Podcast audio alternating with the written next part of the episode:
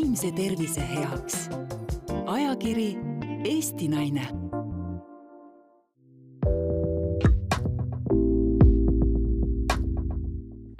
tere tulemast kuulama peaasi.ee podcasti Pearaadio. pearaadio podcastides räägime vaimsest tervisest ja selle hoidmisest. minu nimi on Sandra Raju ja mina olen siin täna külalissaatejuhi rollis. tänane saade keskendub äh, vaimse tervise esmaabile ja vestluse täpsemaks teemaks saab olema, kuidas toetada lähedast, kellel on probleeme söömisega. tänase saate külaliseks on kliiniline psühholoog, vaimse tervise koolitaja ja peaasi.ee meeskonna liige Anna Haasma. tšau, Anna! tere, Sandra! Rõõm! väga meeldiv kohtuda. Rõõm, et sa oled siin ja et me räägime sellel väga olulisel äh, teemal ähm, võib-olla sa räägid natuke endast, mis on sinu lugu ja miks äh, sina täna, miks me siin vestleme täna? nagu juba ka sissejuhatuses mainisid, mina olen kliiniline psühholoog, äh, töötan Tallinna Lastehaiglas äh, eelkõige noorukitega, kellel on just raskusi söömisega, kellel on söömishäired ja samuti olen peaasjad.ee koolitaja Äh, ja tahaksin selle kaudu tuua äh, ka laiema avalikkuseni selliseid vaimse tervise äh, teemasid, et nende koha pealt inimeste teadlikkus ja mõistmine oleks võib-olla natukene parem. Sa ütlesid nii ägedasti, et sa oled peaasjad koolitaja, seda võib nagu, seda nime võib keerata ja käänata vist erinevat poodi äh,, moodi, aga te ütlete enda kohta nii ägedalt, et teie oletegi peaasjad. Kust see, kust sul see tulnud on, kas sa tead seda? Ma selle nime lugu ausalt öeldes ei teagi. Ähm,, aga mulle ka meeldib selle tähendus, et peaasi ehk meiega äh, ajutervisega seotud teemad on vaimse tervise teemad äh, ja äh, noh, minu jaoks psühholoogina ka noh, peamised asjad. aa, see on äge, ma sellele ei olegi niimoodi mõelnud, et kuigi teil on ka väga äge slogan, pole hullu see oli õige, eks ole? just, Pole hullu on meie slogan, äh, mis ka käsitleb äh, seda vaimse tervise võib-olla häbimärki ka, et äh, et kuidas me üldse vaimse tervise teemadest räägime ja ka vaimse tervise raskustest, et kui kellelgi vaimse tervise raskused on, et kuidas me seda nimetame, et pole hullu, kui on need raskused. ja kui, ja kui on ja saad, inimesed saavad aru, et need on olemas, siis peaasi.ee on see koht, kus, kus siis on võimalik äh, saada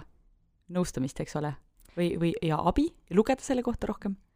just, meie kodulehel on äh, väga palju erinevat infot, äh, erinevate vaimse tervise teemade kohta, ka abivõimaluste kohta, eneseabivõimaluste kohta ja lisaks on e-nõustamise võimalus, et kuhu kõik, kellel on küsimusi antud teemal, saavad kirjutada, kliinilised spetsialistid vastavad kõikidele kirjadele Äh, ja saab sealt äh, lisamõtteid ja abivõimalusi veel juurde uurida. ja see on tasuta, nagu ma olen aru saanud? jah. väga äge. okei okay,, aga meil on täna kaks väga suurt teemat, millest me tahame rääkida. esimene on vaimse tervise esmaabi ja teine on söömishäired et äh, enne, kui me läheme söömishäirete juurde, siis räägi natuke sellest, mis asi üldse on vaimse tervise esmaabi ja kust see idee sündinud on? nagu nimi vihjab, Äh, võib tulla paralleel füüsilise tervise esmaabiga. et nii, nagu meil kõigil on füüsiline tervis ja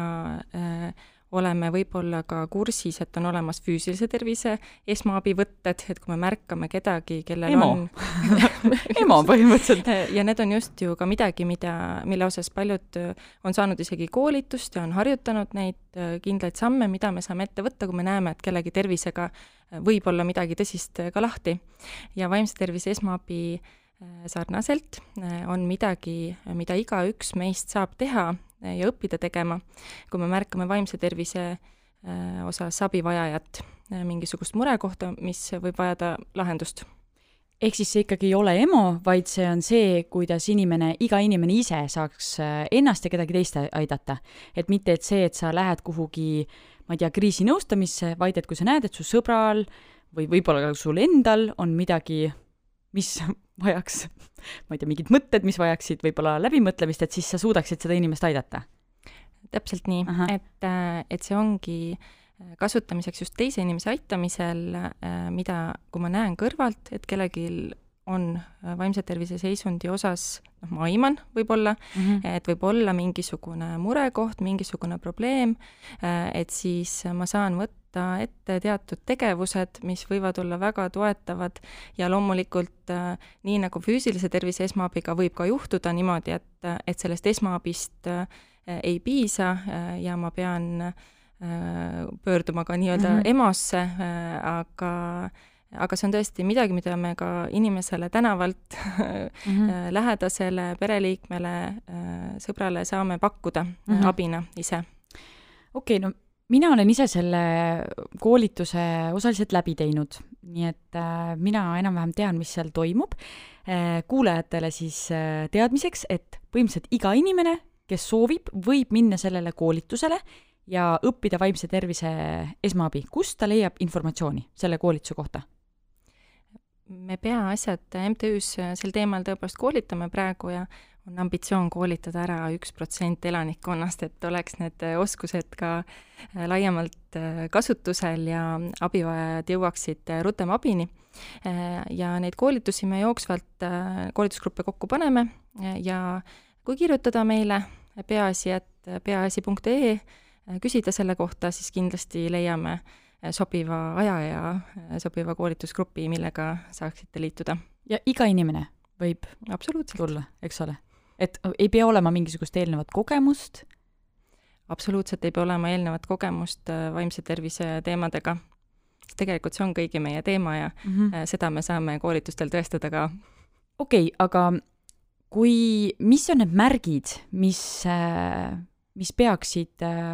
või mis märgid peaksid olema selleks, et mina äh, näen, et oo, mul on vaja sinna koolitusele näiteks minna? või miks inimesed tavaliselt tulevad siia koolitusele? Nii palju, kui ma olen saanud osalejatelt äh, tagasisidet, siis äh, enamasti tullaksegi koolitusele siis, kui see vaimse tervise teema ennast kuidagi isiklikult on ka puudutanud. Äh, näiteks ka noh, endal on mingisuguseid raskuskohti olnud või on märgatud lähedaste puhul, et noh, et tekibki selline võib-olla ka abitu tunne, et ma tahaksin aidata ja ma ei tea, kuidas,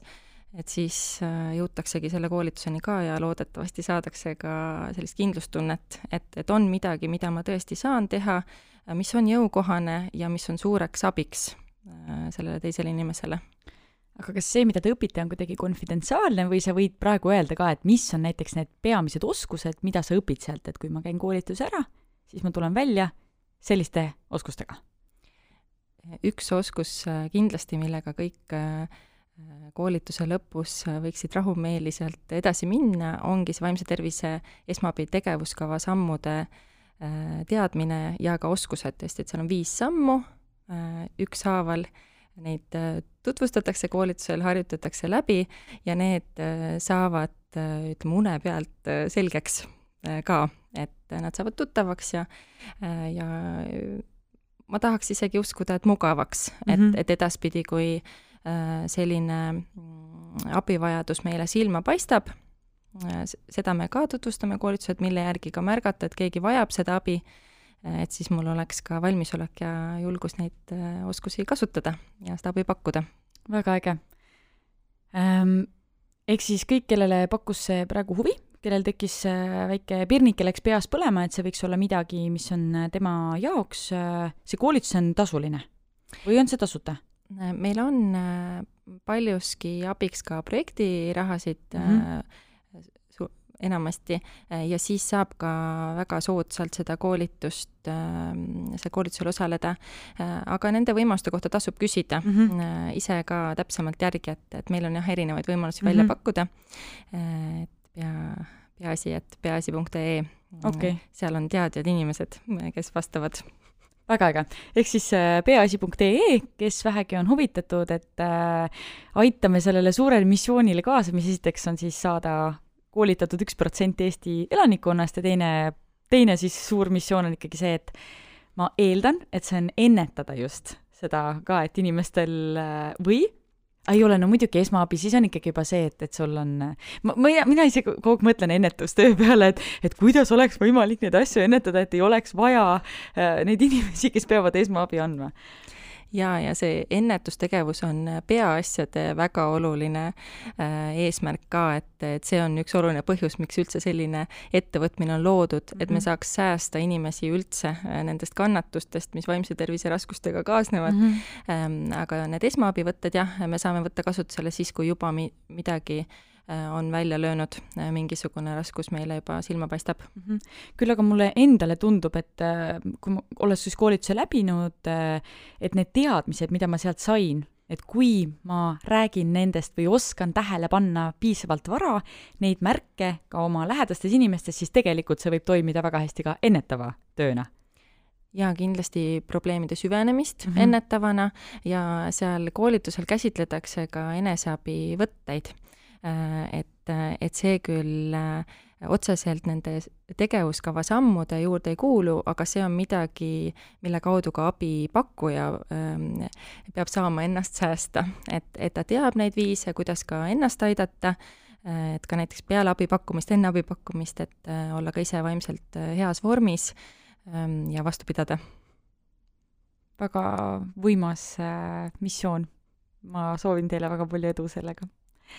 aga me liigume nüüd edasi meie tänase põhiteema juurde, milleks on äh, söömishäired. ja see on tegelikult,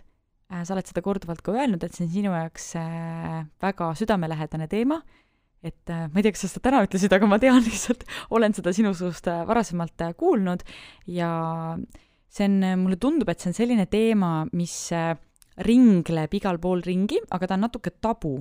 et sellest justkui ei julgeta rääkida, aina rohkem muidugi hakatakse seda tegema, ähm, mille üle mul on muidugi hea meel, sellepärast et äh, see on, see on haigus, mis äh, mõjutab äh, väga paljusid inimesi, mitte ainult naisi, vaid ka mehi,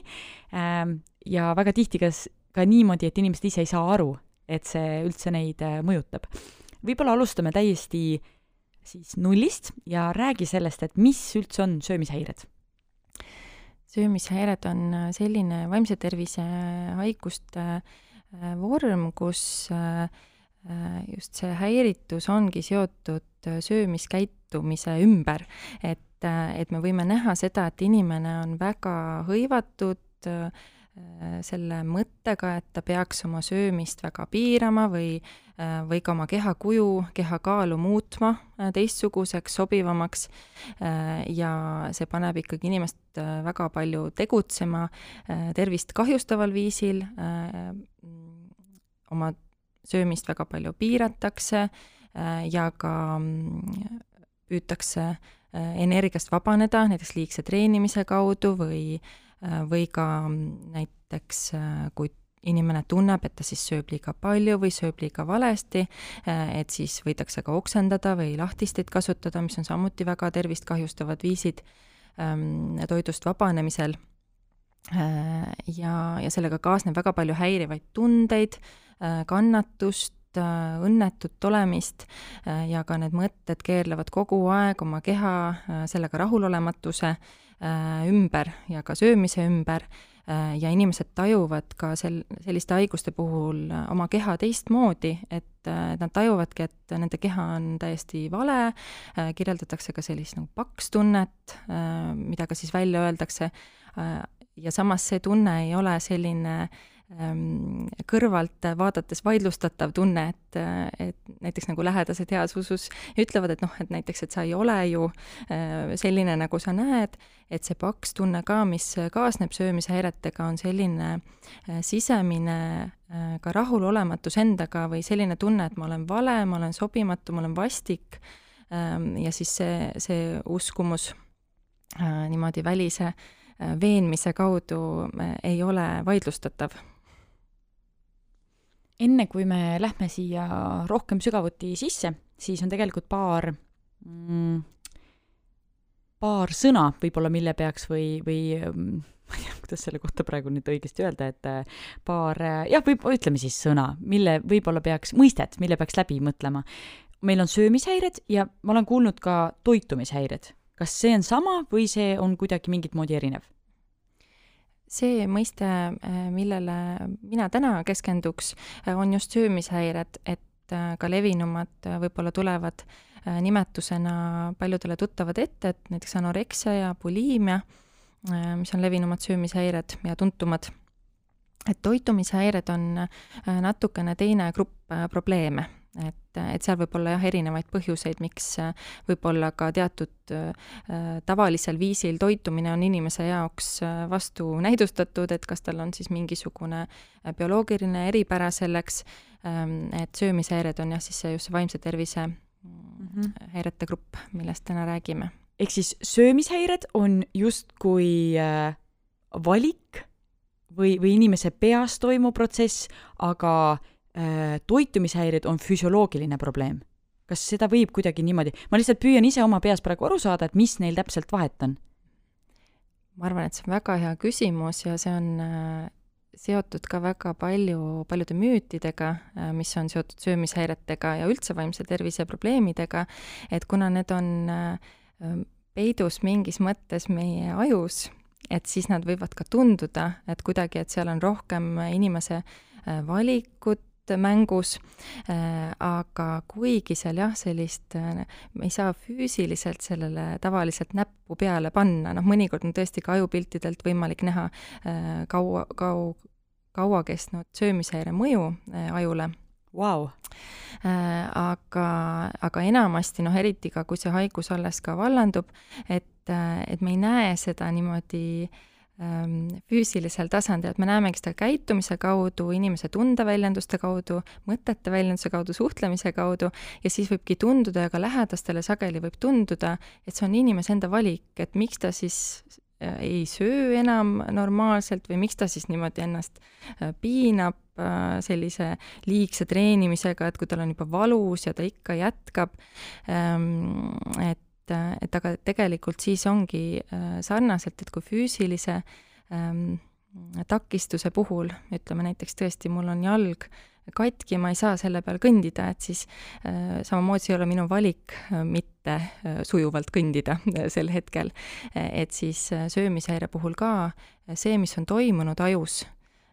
selle haiguse vallandumisel, ei lase enam inimesel enda eest hoolitseda söömise abil ja, äh, ja, ja ei ole ka samamoodi valik, et lihtsalt ei saa muud moodi, et see,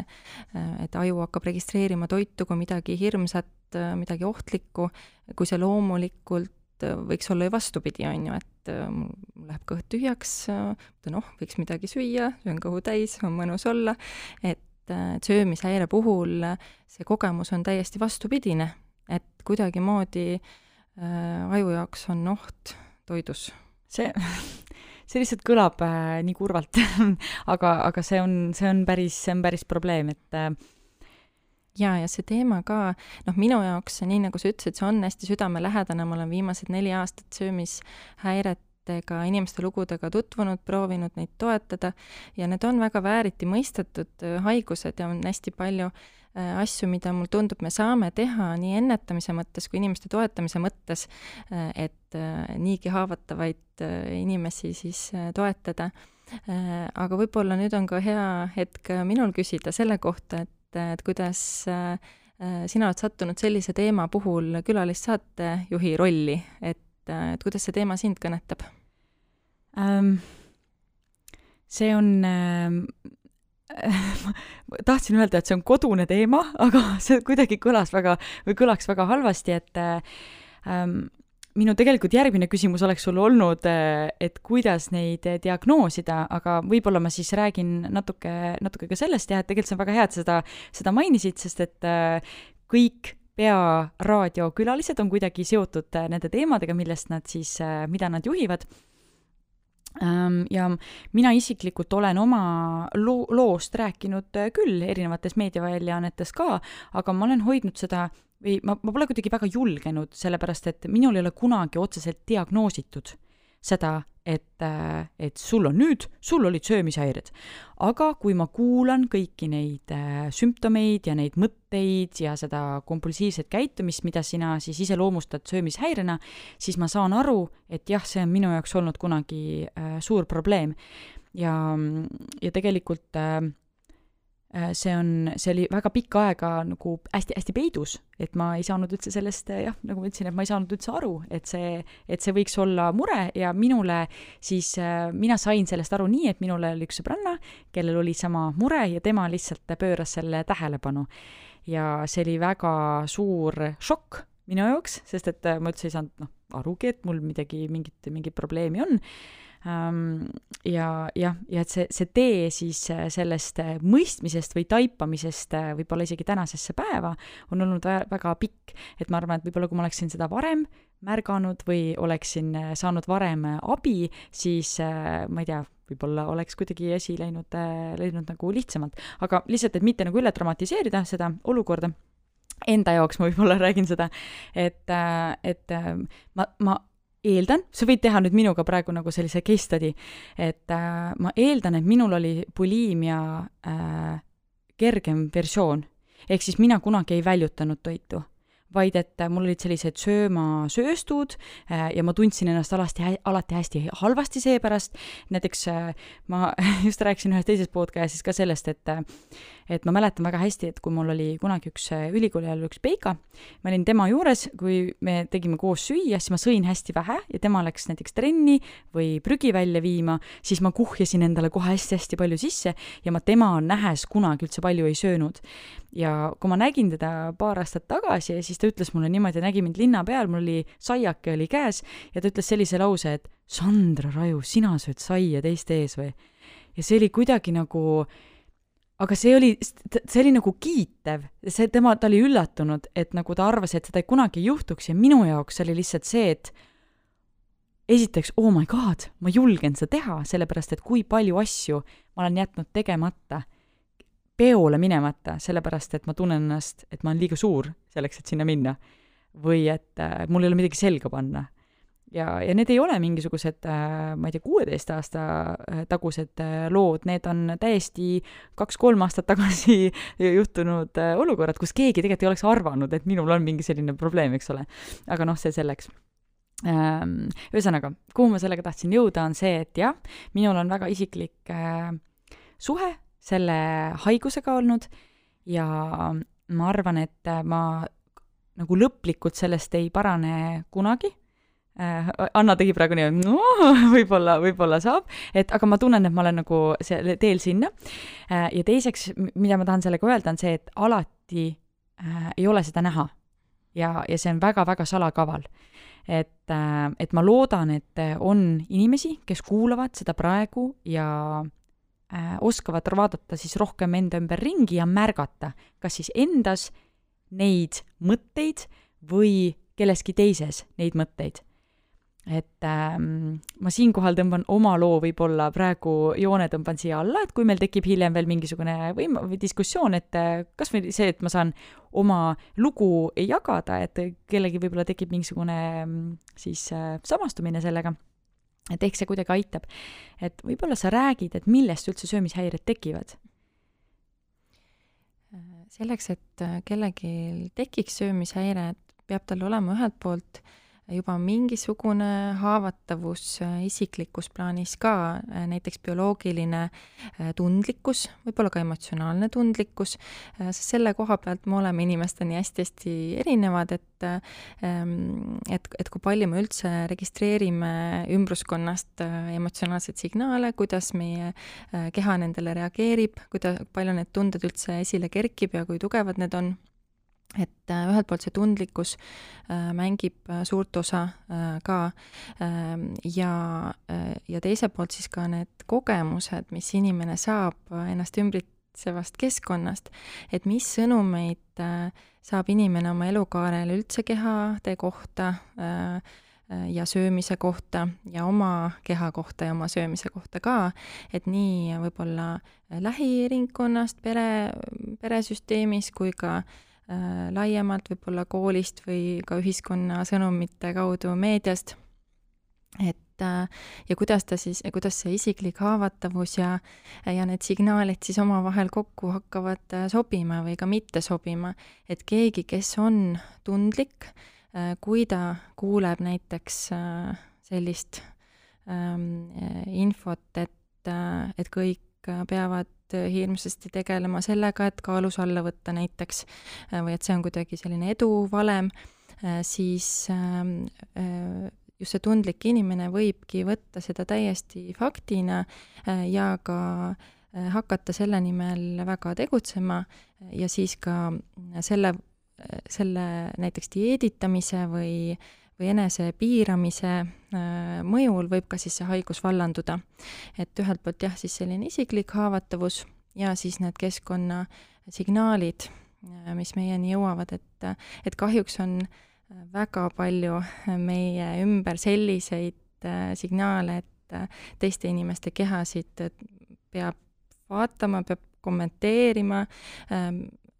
et on okei okay näiteks halvustada kehasid ja pidada ühte keha kuidagi õigemaks äh, kui teist äh, ja, ja kuidagi, et see siis justkui ütleb meile midagi ka nende inimeste kohta, et kes näiteks kuidagi on välimuse poolest kiidetud, et siis käib selline kaastähendus juures, et on siis kuidagi parem inimene või tublim või midagi sellist. ja tundlikele haavatavatele inimestele see on väga toksiline sõnum ja, ja nad võivadki haigestuda siis ka söömishäiresse. Äh, ja ka söömise kohta on meil nii palju äh, erinevat infot äh, oh, liikvel, et kuidas peab sööma, mida ei tohi süüa, mida peab sööma, rohkem muidugi seda, mida ei tohi süüa, et, et niipidi, et mida siis võiks süüa või mis on, milline on see normaalne söömine, oma oma keha vajadusi arvestav mitmekülgne paindlik söömine, et sellest räägitakse üsna vähe, et, et pigem on rohkem infot selle toiduga hirmutamise kohta ja, ja jälle tundlik inimene tabab äh, kõik see, selle info ära oma mm. ümbruskonnast ja ka lapsed juba äh, kardavad teatud toiduaineid, kardavad minna paksuks, väiksed lapsed, et see on juba ähm, no ma ütleks, et ühiskondlikult juba päris suur probleem, et see on kuidagi normaalne kogu aeg olla rahulolematu iseendaga ja, ja piirata oma söömist, et see on kuidagi meie kultuuriline norm mm. -hmm no see teema on väga ähm, laetud võib vist eesti keeles selle kohta öelda, et, et sellest teemal oleks hästi-hästi palju rääkida, et kui me noh, mina, kui olen tegelenud treenerina aastaid, eks ole, et, et et ma olen kokku puutunud äh, igasuguste kehadega ja just viimastel aastatel on tulnud see body positive movement väga aktiivselt äh, teemasse, millest ma väga-väga tahaksin rääkida täna ja, ja võib-olla kuulda sinu arvamust sellest, aga vaatame, et äkki ehk meil lõpupoole tekib selleks, selleks võimalus. et äh, mul on lihtsalt oma väga tugevad äh, vaated äh, sellel, sellel teemal, miks ma arvan, et see, seal on omad plussid ja omad, omad väga suured miinused. aga, aga kui me, kui me räägime praegu nendest äh, lastest, kes,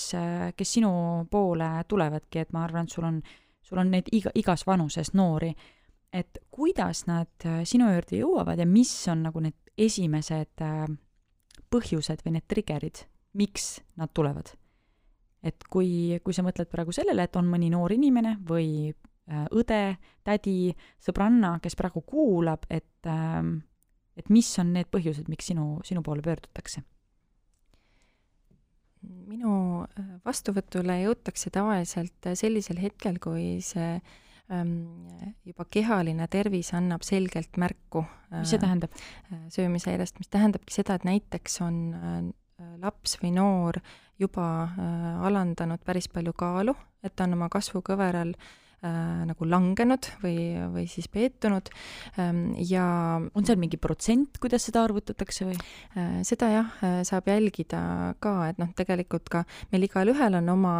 loomulik äh, kaalu kasvukõver ja, ja sellel on oma selline normaalne kurv või kõver äh, ja noh, seda äh, mõnikord ka siis perearsti vastuvõtul nähakse korraliste tervisekontrollide käigus ka, et äh, mingisugune nihe on seal tekkinud, mis on ka siis üks selline võimalik ohumärk. aga lähedased enamasti märkavadki seda muutunud käitumist ja muutunud meeleolu lapse ja noore puhul et äh, laps või noor tundub õnnetu, äh, ta näiteks ikkagi ei söö enam tavapärasel viisil, ta võib-olla väldib ühissöömisi, ähm, ütleb, et ta on juba söönud äh, ja, ja võib-olla va-, vanemad ei näegi teda enam söömas, sellepärast et iga kord ütleb, et ta on just söönud. Mm, või kõht saab väga ruttu täis ja need kogused aina vähenevad ja mõnikord see söömishäire tõesti tuleb hästi hiilivalt niimoodi, et, et kohe lähedased ei, ei teagi pöörduda, sellepärast et need muutused, mis noor ette võtab, noh, tunduvad nii-öelda tervislikud, et ta hakkab rohkem trenni tegema, ta jätab ära menüüst noh, nii-öelda ebatervislikud toiduained nagu suhkru või, või mingisugused rasvad. Äh, ja siis äh, niimoodi hiilimisi, äh, seda piiramist tuleb aina juurde ja võib-olla ka trenni tegemist tuleb juurde ja, ja noh, kuni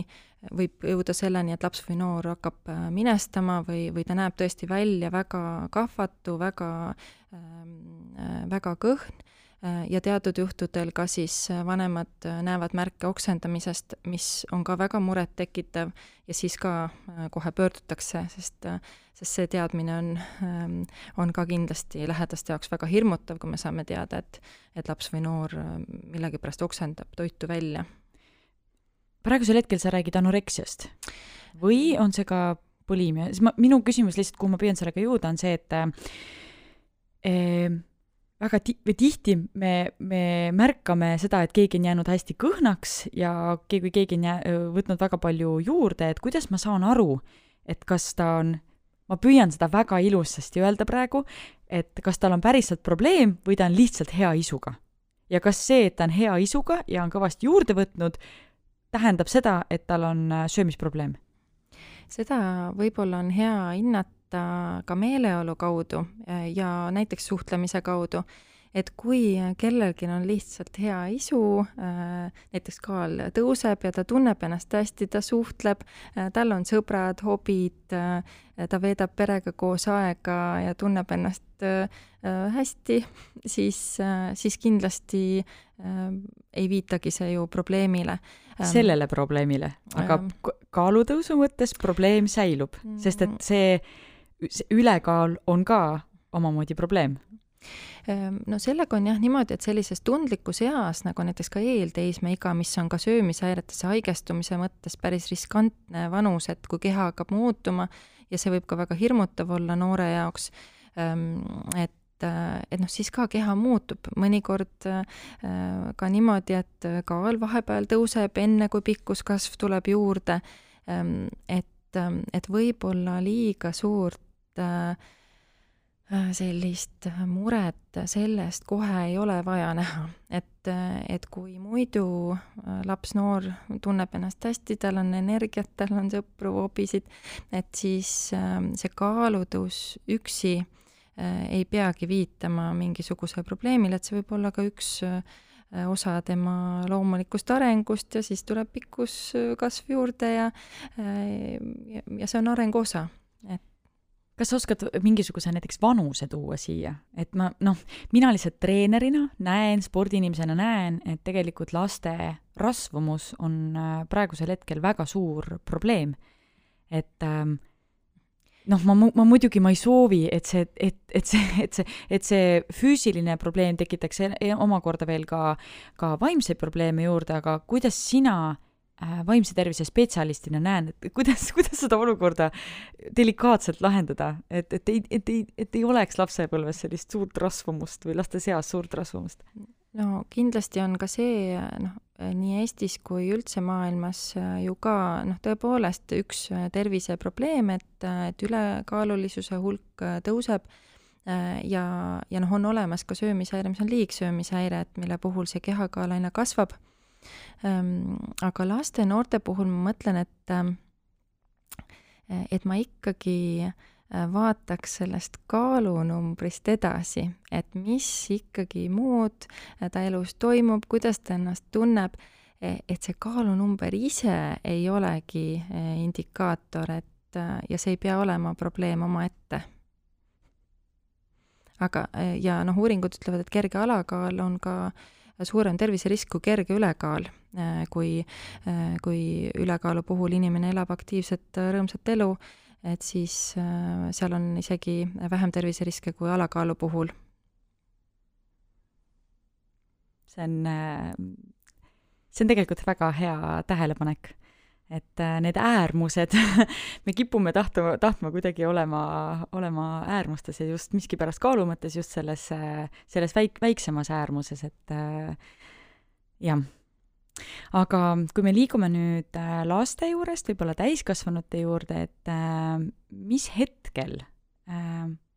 mis hetkel ma saan aru, et mul on söömishäire versus see, et ma lihtsalt olen kehva menüüga ja üks asi veel, mida, mida ma tegelikult tahan enne tähelepanu pöörata, et või küsida sinu käest, et sa rääkisid enne dieeditamisest. et lihtsalt, et inimestel ei tekiks äh, vale arusaama, et dieet iseenesest äh, ei ole halb, sest et dieet on justkui nagu dieedi kohta öeldakse ju ka, et taimetoitlus on äh,, kui sa oled taimetoitlane, siis sul on selline dieet, kui sa oled näiteks vegan, siis sul on selline dieet, et kui me räägime dieedist, siis me räägime sellest äh,, ma ei tea, mingisugune juice cleanse või äh, ma ei tea, nädal aega söön ainult banaane või võtan kõik mingisugused, ühesõnaga sellised äärmuslikud äh, ja äh, hästi lühiajalised äh, toitumise muudatused, eks ole.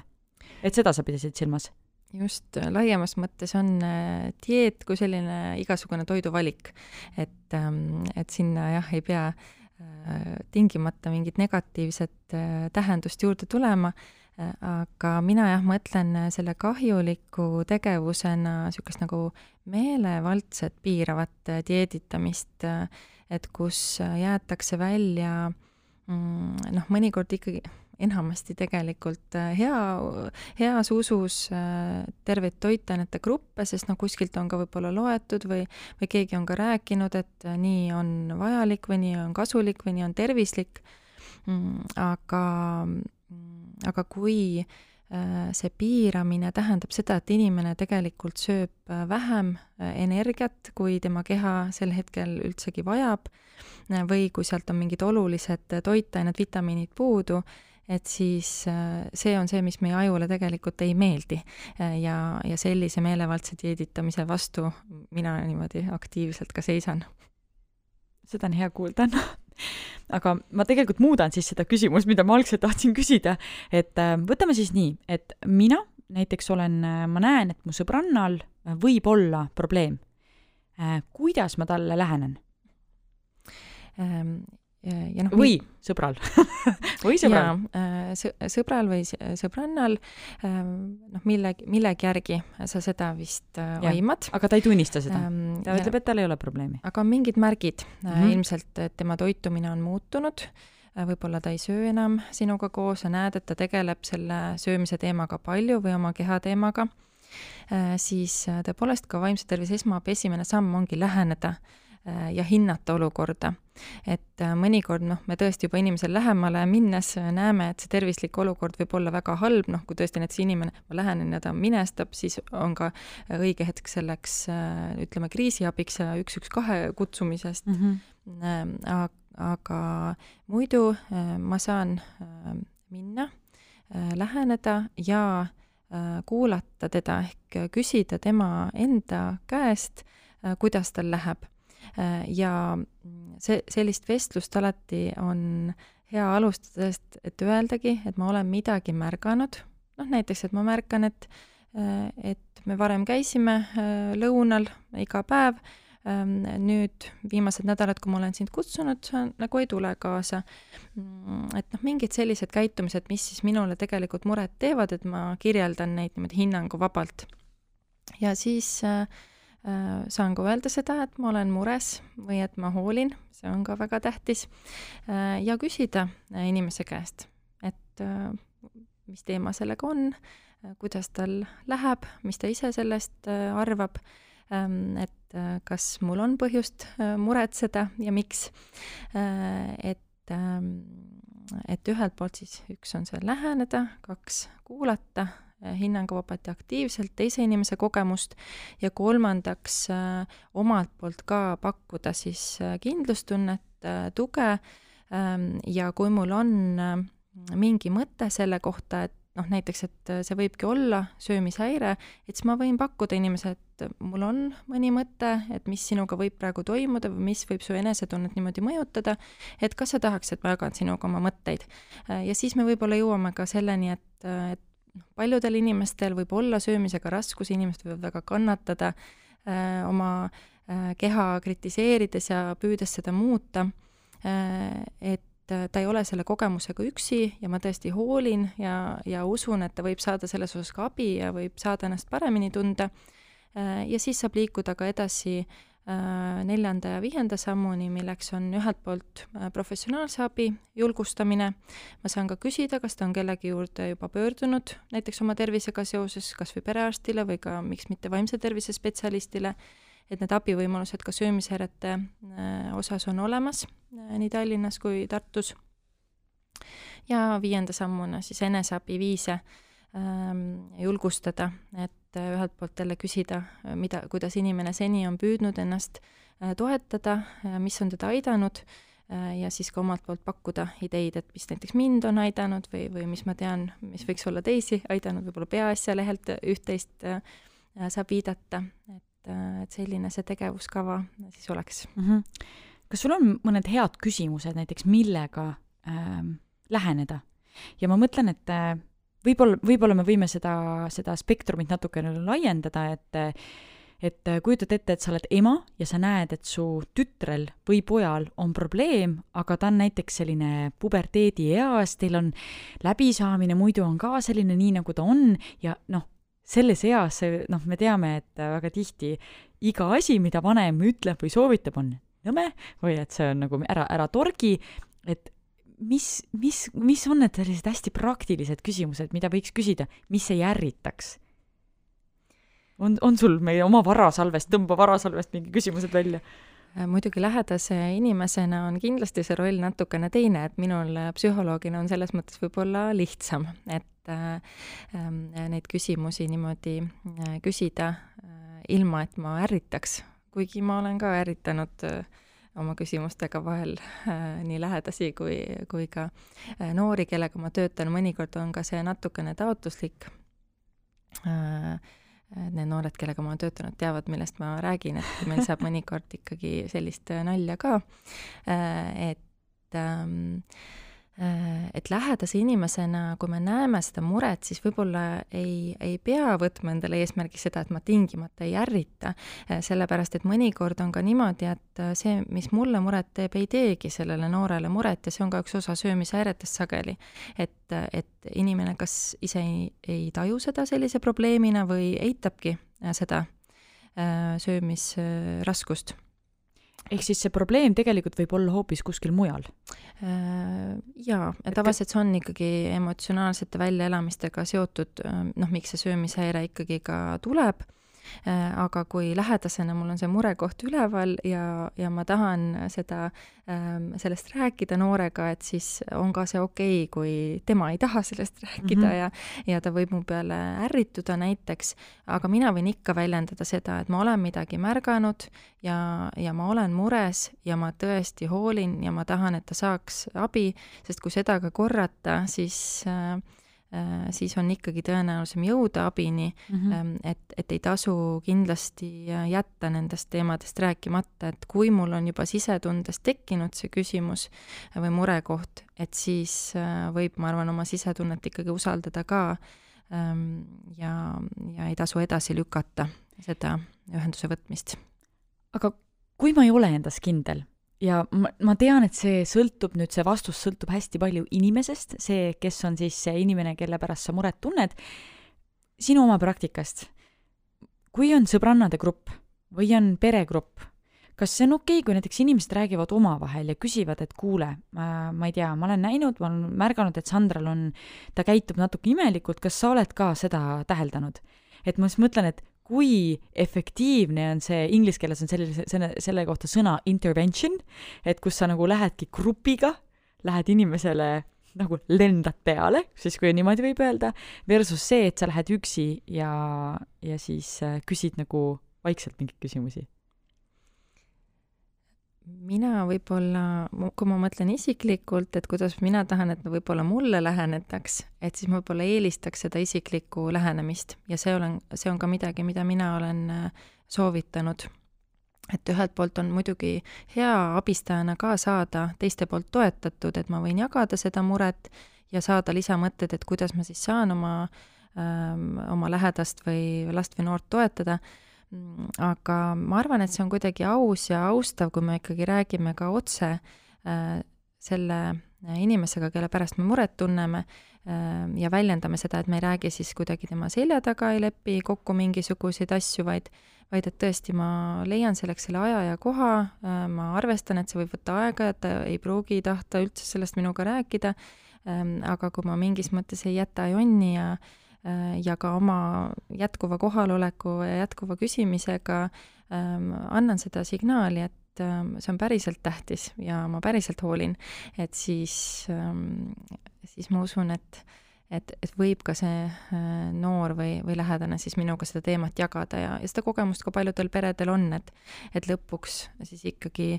mm, see noor räägib äh, ja ka sõbrannad räägivad, ähm, et kui nad saavad seda kindlust, et päriselt huvitabki, minust päriselt hoolitaksegi, Äh, ja sest noh, muidu söömishäire käitumine, ta ongi, seal on seda saladuslikkust, inimene näiteks võib ka peita toitu, tal on endal piinlik selle pärast,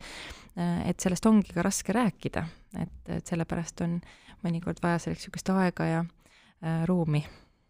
jah, ma, võib-olla see on nüüd see koht, kus ma võin, võin peegeldada või võin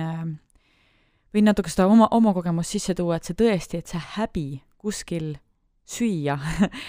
teiste ees on lihtsalt nii suur, et äh, see on, see on meeletu, et kui ma praegu selle peale mõtlen, siis see tundub mulle nii äh, rumal ja ma ei taha kedagi,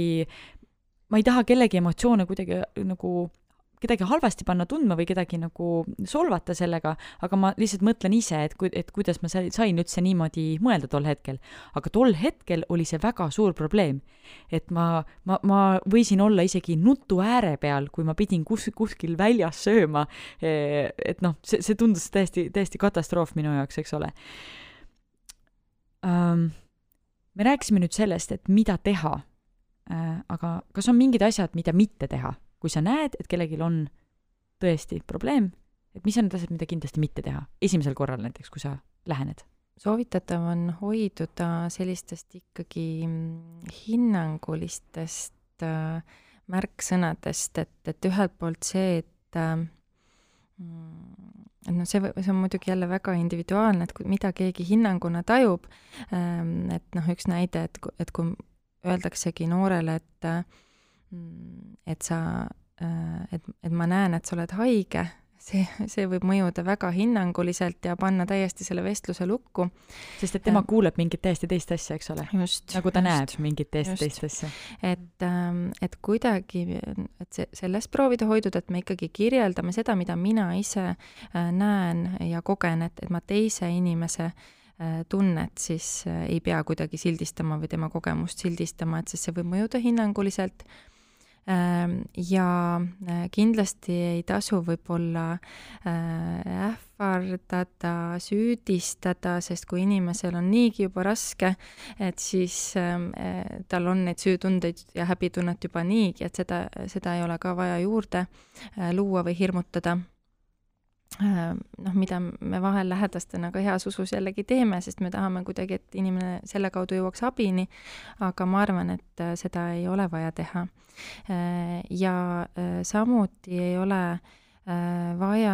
võib-olla ka just pisendada inimese kogemust, noh näiteks, et, et asi ei olegi ju üldse nii hull või et sa noh, sa ju oled tegelikult, su elu on ju hea või et sul on ju, sa oled ju ilus või noh, et midagi sellist, et, et see ka nagu ei aita, et see mingis mõttes tühistab inimese kannatust, et, et seda ka mitte teha. aga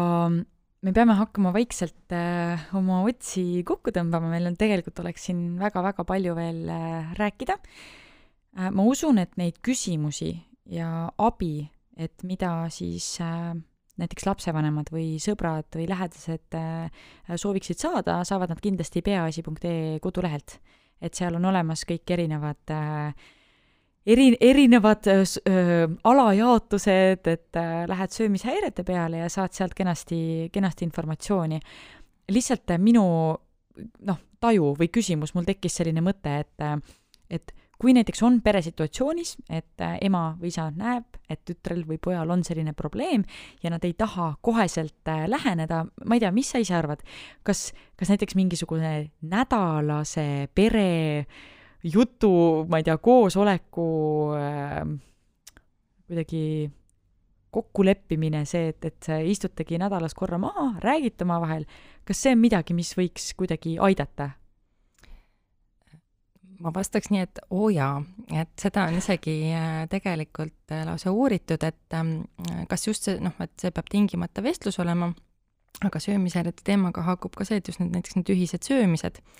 et, äh, et see on sageli üks vähestest tänapäeva kiires elutempos ilmnevatest olukordadest, kus pereliikmed saavad samal ajal samas kohas kokku ja seda on ka leitud, et see on nagu selline kaitsev äh, tegur, et, et kui me ikkagi vähemalt mõned korrad nädalas äh, saame kokku söögilaua taga, sööme koos, räägime juttu, räägime oma päevast, kuidas kellelgi on läinud, et ähm, et see on ka kaitsva mõjuga, isegi kui probleeme ei ole veel äh, esil. et seda julgustaks küll tegema. ja seda, seda julgustaks küll tegema, et et, et, et kokku saama ja et oleks sellised äh, rituaalid, et kus me saame perena kokku, saame üksteisele otsa vaadata ja toredalt koos aega veeta. ja, ja Eesti inimesele öeldes veel, see on teaduslikult tõestatud, eks ole. Täpselt nii, seda on teaduslikult uuritud. Väga äge, ma, ma tõesti väga loodan, et, et mitmed kuulajad siit võtavad selle initsiatiivi üles ja, ja kas siis perekeskes või, või kas või sõprade ringkonnas äh, korraldavad selliseid ühiseid söömisi. Ja, ja mitte ainult ühiseid söömisi, aga võib-olla ühiseid kokkamisi, et te teetegi koos süüa, et te näete, et äh, mis sinna sisse läheb, sest kui ma näiteks tagantjärele praegu mõtlen, siis äh, minul muidugi tekkisid need mured siis, kui ma olin juba kodust ära läinud kuigi tegelikult, kui ma hakkan mõtlema, siis alged ikkagi tulid juba, juba sellel ajal, kui ma ikkagi olin veel kodus. Aga kui ma jah, võib-olla oleksin täpsemalt teadnud, et mis on selle söögiaine sees või toiduaine sees või et mis siia pannakse, et et ma võib-olla oleks muutunud natuke rahulikumaks, et, et kui ma, kui ma oleksin olnud rohkem haritud, siis aga ega ma ei tea, võib, võib-olla see poleks, võib-olla see poleks aidanud, sest et lihtsalt disclaimer'ina ütlen, et mina tol ajal tegin veel ka tantsimist ja see on hästi visuaalne, et sa paned ennast inimeste ette ja inimesed vaatavad sind ja nad kommenteerivad sind. et see kindlasti ka ähm, air quotes ides aitas kaasa sellele, sellele asjale, et äh, ja sellele kogemusele tuginevalt äh, oleks minu selline unistus küll see, et üks hetk me jõuame äh, ka laiemalt selleni, et me ei äh, kommenteeri teiste inimeste ega enda äh, kehasid, et, äh, et igaüks äh, ähm, on erinev ja, ja meil kõigil on keha millekski, on ju, elamiseks, ühest punktist teise liikumiseks ja, ja spordi tegemiseks, oma, oma elu elamiseks, ka uute retseptide katsetamiseks, sest ka uued maitsed on kindlasti ajule selline arendav kogemus ja uus kogemus. et ähm, aga et seda, et niimoodi vaadata ja kritiseerida ja äh, Ehm, sellest ehm, mulle meeldiks küll, kui me nagu rohkem eh, hoiduks ja et see ei oleks kuidagi nii üle rõhutatud eh, meil, et sellega peab hirmsasti kogu, et kõik peavad endaga hirmsasti rahul eh, olematud olema, et seda nähakse kui mingisugust arenguvõimalust, et kriitika kaudu. et, et võiksime ikkagi niisugust mõistvust ja hoolivust rakendada teadlikumalt rohkem jah. minul, mul oli kaks päeva järjest nüüd kool ja mul jäi kõlama lõpuks üks lause, mis mulle peale ühte praktilist tööd öeldi, et Sandra, ära ole enda vastu nii karm. ja ma arvan, et see on võib-olla asi, mida me peaksime endile meelde tuletama ja ka miks mitte teistele meelde tuletama, et äh, ärgem olgem endi vastu nii karmid, vaid et äh, öelge, kommenteerige siis, äh, kui te tahate öelda midagi head, mingi komplimendi, siis võib-olla öelda mitte füüsilise välimuse kohta käiva komplimendi, ma ei tea, kas see on, kas see on õige, õige lähenemine, et mitte, et ma ei taha öelda kuidagi halvasti, et võib-olla tõesti inimene, kes on olnud pikalt ülekaalus, on, on, on jõudnud nagu sportlikusse või nagu ütleme, tervislikku vormi, et, et noh, see on, see on võib-olla teine, teine, teine koht, et seal võib-olla see on selline innustus, mida ka aeg-ajalt inimesed vajavad, et, et see lihtsalt, et Anna vaatab üles ja teeb nagu no. ma ei tea no see on jah, ta on selline kahe otsaga. no ta on libe tee selles mõttes, et miks me, et noh ähm,, noh, mõtlen, et kas ma ikkagi päriselt tean selle teise inimese kogemuse kohta, mis see tema jaoks tähendab üldse või mis, sest noh, mõnikord ka ju inimese kaal on langenud võib-olla ka sellistel põhjustel, et ta, ma ei tea, näiteks leinab parasjagu ja siis see tundub väga kohatu kiita midagi sellist, et inimene pole suutnud vahepeal süüa. et, et noh, jälle, et, et mõtleme, võiks võib-olla ikkagi natukene selle peale mõelda, et mis see tähendab, et miks see minu jaoks on tähtis näiteks seda öelda äh, või mis see eesmärk on ja mis see selle teise inimese jaoks võib tähendada, äh, kas see tõstab tema väärtust minu silmis kuidagi ja miks see nii on, et mis, mis väärtuste või tähendustega see siis minu jaoks seotud on, ähm, et ähm, jah, ta on natukene niisugune, aga noh, ma olen natuke liiga tundlik võib-olla ka nendel äh, teemadel, et, et kuna ma tean, et et ka sellised võib-olla ka kaalu alandamise kiitused on paljude inimeste jaoks väga valusad kogemused, äh, et siis ähm, jah, võib-olla olen natukene niimoodi äh, tundlik ise nendel teemadel, et, et mulle jah, tõesti meeldiks see, et kui me teemegi komplimente muude asjade kohta, et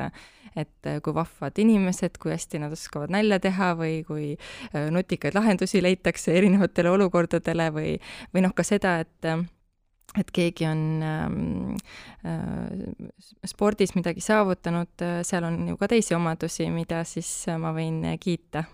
et noh, näiteks tõesti, et ta on kuidagi äh, suurt vaeva näinud või et äh... sul on väga ägedat värvi püksid või see on ka juba visuaalne, et see on juba teist, teistmoodi, et see läheb juba ka võib-olla, võib-olla pigem mitte, et ma arvan, et ägedat värvi pükse võib äh, täiesti kiita. Selle, selle ma kiidan igati heaks. Anna, mul oli täna väga äh, tore sinuga ja ma tean, et siin on, meil on tegelikult nii palju teemasid, mis meil jäi rääkimata ja mida oleks tahtnud väga, väga, väga puudutada, et äh, aga ma loodan, et me saame kunagi teha Vol kahe ja, ja nendel teemadel äh, edasi rääkida ähm,. kas sul oleks, äh, kas sa sooviksid kuidagi selle kokku võtta või sooviksid sa midagi lõpetuseks öelda mm.? Jah, see on suur teema minu jaoks küll, et mida kokku võtta, aga äh, võib-olla seda, et absoluutselt see endast alustamine on ka üks suurepärane äh, koht, äh, mille kaudu nii ennast aidata kui ka teisi aidata, et märgata seda, kuidas me iseendasse suhtume, oma kehadesse suhtume, kuidas me enda eest hoolitseme ja sinna seda sõbralikumat, hoolivamat äh, suhtumist äh, sisse lülitada. et siis on juba mm, väga hea algus tehtud ka teiste aitamisega. väga äge ja mina lõpetan siia, mina, mina lisan siis siia lõpuks ka selle, et et minu üleskutse on see, et rääkige teineteisega, aga rääkige mitte selleks, et vastata, aga selleks, et võib-olla küsida järgmine küsimus või et kuulata. et ja hea praktika selleks on näiteks see, et äh, kui sa istudki inimesega näod vastamisi